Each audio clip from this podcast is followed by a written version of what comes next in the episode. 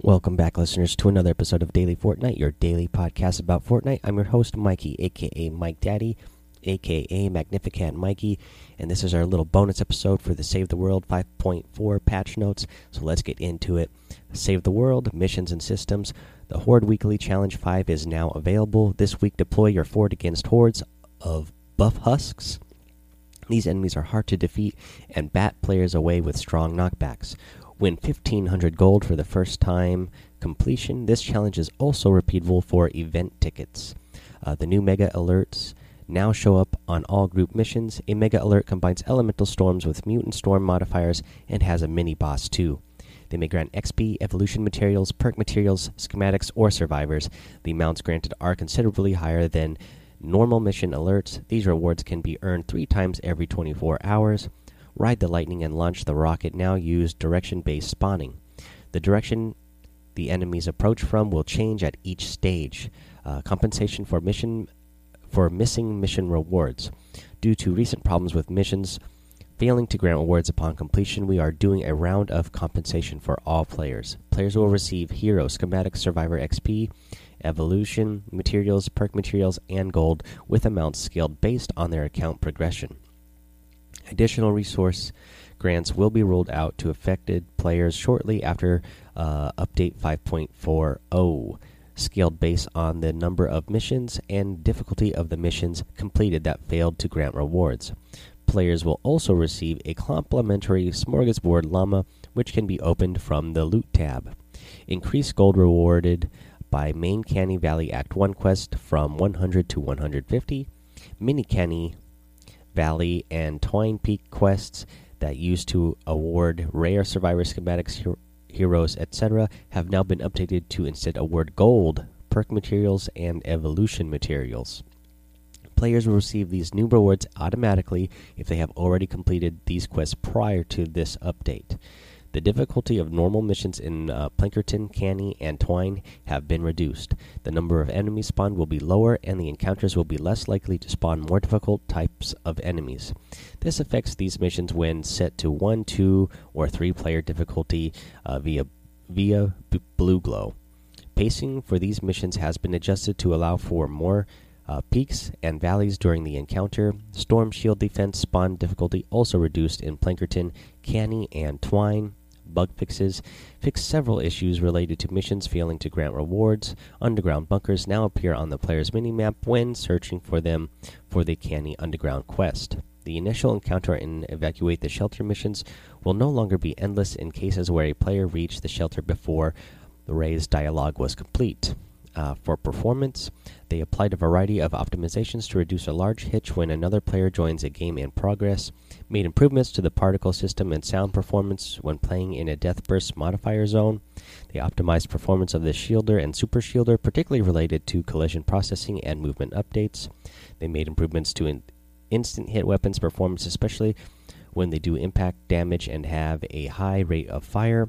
Add multiple optimizations for how missions track, eliminating husks to reduce performance impact when enemies take damage. Smooth server application of death effects over several frames to reduce hitches around a variety of area effects. Optimized network traffic when husks die around a storm chest to avoid hitching. Reworked how terrain and object draw distances are managed to improve frame rate at each graphics setting without impacting scene quality. They improved UI performance by removing obsolete checks and optimiz optimizing data lookups. Updated Quest screen to refresh its data only when visible. They reduced performance costs of an uh, of an expensive per frame check on Xbox One. They cleaned up logging spam to improve client performance. They fixed a large performance regression related to effects since the uh, 5.3 release. Uh, using mini hover turrets no longer causes the enemies they are shooting to freeze or stutter.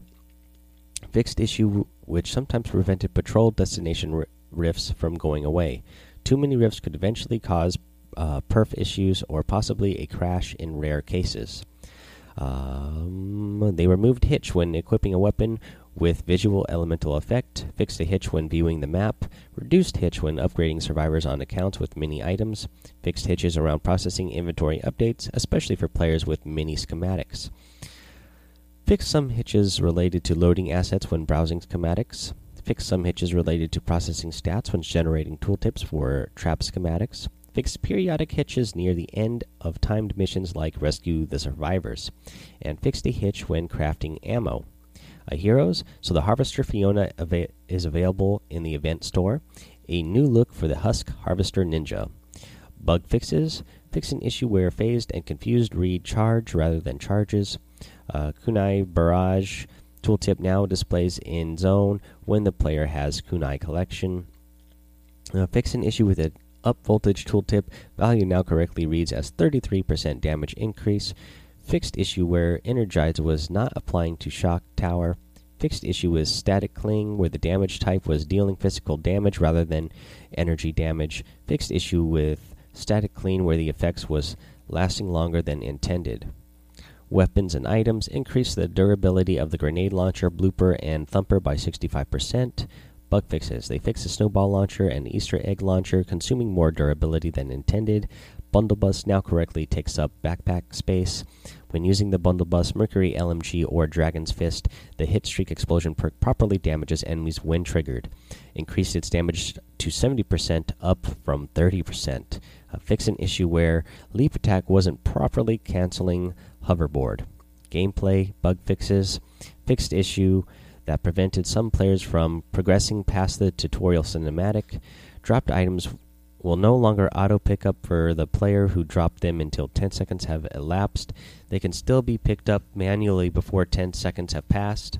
Shielders and super shielders no longer drop loot when they reach the end of a patrol and spawn without being eliminated. Fix an issue that caused rockets to not do full damage to super shielder shields and the environment. UI added ability to slot higher starred version of schematics in the collection book. Bug fixes Fixed a rare crash in zone map menu. Sold out items in the store will no longer show the sale banner. Fixed quest page refreshing when navigating to current quest. Fixed an issue where using the pay, play now button while in the quest tab could cause a delay in the mission loading. Fixed a rare video playback crash on Xbox One. The event store item quantity now properly updates. Fixed issue that was removing the button for increasing quantity of items to purchase the event store. Weapons in your backpack will now properly update ammo counts. Art and animation bug fixes. Fix some loot containers appearing as placeholder assets at long range. The sun is back out in full force in the Canny Valley. Audio increased Ray's dialogue volume.